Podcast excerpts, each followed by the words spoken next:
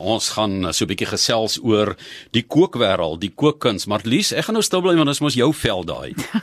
Wel, ja, nee, baie baie lieve kos maak. Dankie Johan en ons gesels met 'n chef self ook wat altyd klasse vir mense bied en nou kom COVID en nou moet jy herdink hoe gaan jy dit benader en sy gee aanlyn kookklasse, maar nie sommer net vir enigiemand ook nie vir kinders want sy het kinderklasse altyd gehad. Nou wil ek weet hoe verloop hierdie aanlyn kookklasse met kinders en ook natuurlik die rol van die ouer aan die ander kant. Baie welkom aan Marika Josling en sy is die eienaar en chef van The Little Pink Chef. Baie welkom weer in weer eens.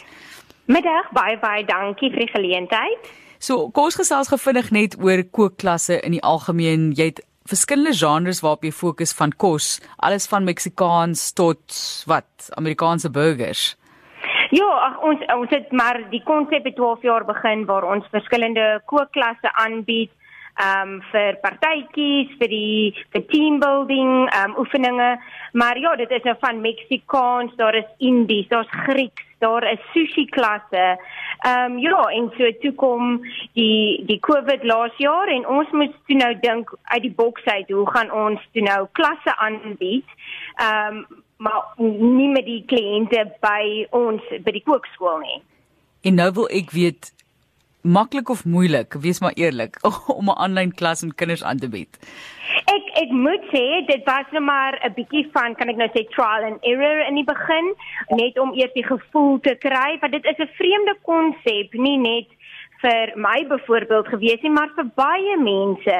Ehm um, en so het ons almal maar hierdie proses gegaan van 'n uh, 'n nuwe wêreld betree. Ehm um, maar ek moet sê dit is absoluut wonderlik om te sien dat ek het soveel kliënte wat gereeld gekom het vir kookklasse en vir al die kinders en skielik sien ek hulle op 'n op 'n skerm voor my in die gemak van hulle kombuise saam met my kook moet seker baie oulik wees ouers betrokke daarso om dinge so half onder beheer te hou daai kant of of watter ouderdom ouderdomsgroep kyk jy Ja, nou? ja, nee, daar is kinders wat deelneem van die ouderdom van 6 af en dan maak ons byvoorbeeld ehm um, aardappelgnocchies en hulle rollie gnocchies en hulle dan help mamma pappa nou om die gnocchi te braai in die pan. Ehm um, maar ja, dit is net so probeer dit soveel uh, pret moontlik maak vir die hele gesin om eintlik te kan deelneem daaraan. Maar ryk terwyl jy nou so pret en plesier daar aan die kombuis het, is veiligheid seker altyd baie baie belangrik, né? Ja, ja, dit is hoekom ek die spyskaarte van so 'n aard probeer saamstel sodat ek sê, okay, hierdie is vir 'n ouderdom 4 uh, plus, hierdie is 'n ouderdom 8 plus sodat die ouers dan nou weet, jy weet, die kinders kan deelneem of watter dele van die klas die kinders kan deelneem. Maar ja, dit is baie belangrik, ja. Wat doen jy vir die 4-jariges? Rice Krispies balletjies. ja, nee, maar ag, soos ek sê, soos die potato en gnocchies het ons gedoen en ek toets dit op my eie 4-jarige. So ek sal die spyskaarte bymekaar sit en dan sal ek sê, "Goed, dan um, moet my 4-jarige vir my bietjie help in die kombuis." En nou, ag, soms is dit maar net om die koekiedrukker te vat en ietsie uit te druk en dit met die um, bietjie egg wash op die op die pastytjie te sit of jy weet so dit is ook nie die hele kookklas nie, maar dis dis aspekte van dit waarin hulle kan deelneem. Ek dink jy Johan verstaan hoe ty raak daai. Neem Rice crispy ja, cookies. Neem een. Is baie maklik. Neem neem 10 marshmallows en vat een halwe pak Rice Krispies en dan gaan jy. Aan die ander kant moet dit met daai ouer swaar kry met daai pot Rice Krispies, maar Mareike, kom ons gesels net gou vinnig bietjie ook oor die belang van kinders wat geleer moet word van bestanddele en van kos. Hoekom dink jy is dit belangrik? Ek dink 'n absolute nuwe wêreld het oopgegaan laas jaar met die COVID. Ehm um, mamma en pappa het altyd kos gemaak of dit was dalk laat mense wat baie laat werk en in die verkeer sit en dan gaan gestop om ietsie te kry op pad werk toe en skielik kom Covid en nou kook ons. Die afleweringstrokkie stop voor die huis met jou bestanddele. En wat gaan ons nou maak met die bestanddele? So dit was ek dink 'n uh, 'n span poging van al die lede van 'n gesin om te sê goed kom, wat doen ons? Een ou skil die wortels, die ander ou sny die wortels, die een ou braai die aardappels, die ander een um, marineer die hoender en druk hom in die oond. En dit is waar die wêreld heeltemal oop gegaan het. En dit is um, ongelooflik om te sien. Ehm um, Johan het nou gesê van die van die rice crispy cookies.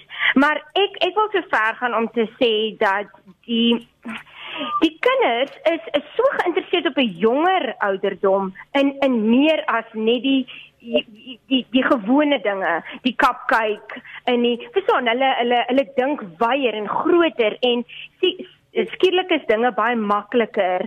Ehm um, jy kan baie baie verskillende bestanddele nou in 'n winkel kry en jy kan dit regtig huis toe vat en eenvoudig 'n wonderlike gereg ehm um, aan mekaar slaan. Maar en dit is vir my so great om te te experience hierdie hele nuwe konsep. Maar ryk maar as 'n bietjie wiskunde, daar's 'n bietjie wetenskap en so. Dis ook uitkomsgebaseerde tipe van onderwys waarmee jy besig is. Jy kan ons nou vertel waar meel vandaan kom en uh, wanneer dit afgemeet word, jy met 'n koppie en 'n koppie is nou 250 ml en so. So daar's 'n lekker geleentheid ook om die brein te stimuleer.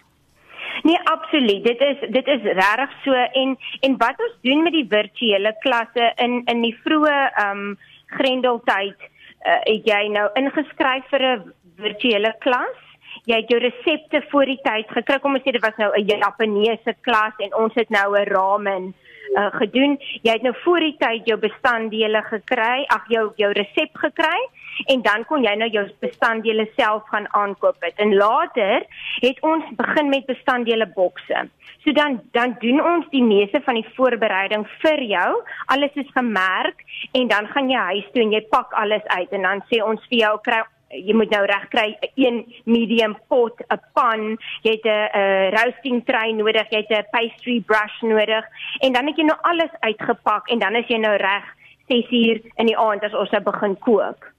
Marika wat so interessant was in die tyd die konsepte wat na vore gekom het. Ek weet daar's meestersklasse in wynproe gegee byvoorbeeld waar jy dan nou jou wyn bestel het van 'n landgoed af en dan sit hierdie briljante wynmaker wat al baie pryse gewen het en jy sit in die veiligheid van jou eie huis en proe saam met die kundigheid van daardie persoon. So, jy weet daar's ongelooflike geleenthede want anders die mense 'n jaar of 2 of 3 gewag tot hulle iewers dalk in die wynlande kom, by die kelder gaan inloer en 'n proe gedoen daar. Die wynmaker is nie noodwendig altyd daar nie. Dis dalk studente wat daar werk wat goed ingelig is, maar hier het jy nou geleentheid om om in die kombuis te klim op 'n manier of in die kelder te klim. Jy's in die kombuis, so Martelies is in die kombuis. Nou weet ek nie of jy vir haar of sy vir jou gaan kook of julle albei vir 'n 4-jarige gaan kook.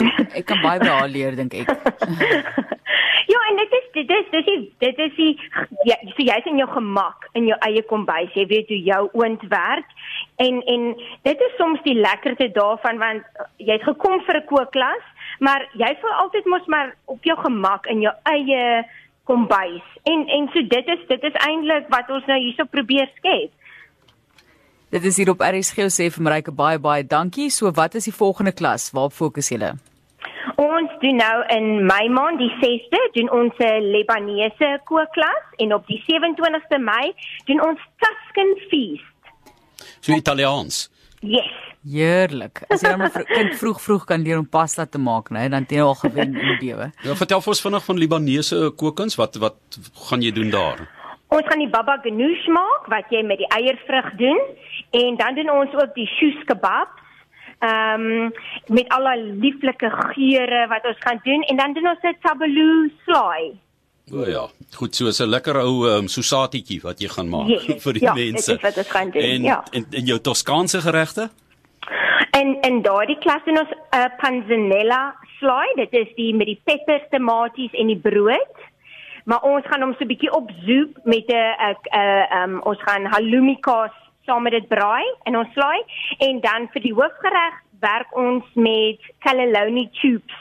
So ons gaan 'n mengsel van ehm um, salami en spinasie en feta kaas in die tube sit en dan gaan ons ons gereg so voorberei. En Martelies lyk like glad nie honger nie. Nee, ek is ek is ek gaan vergaan van die hongerte as ek so oormiddagete tyd werk. Maar Mariko sê vir jou baie dankie. Sterkte daar ook besighede wat nuwe maniere vind weens COVID-19. Mariko Josling wat met ons gesels het, sy is die eienaar en chef van The Little Pink Chef en dit is daardie virtuele kookklasse wat sy op hierdie stadium vir kinders ook aanbied.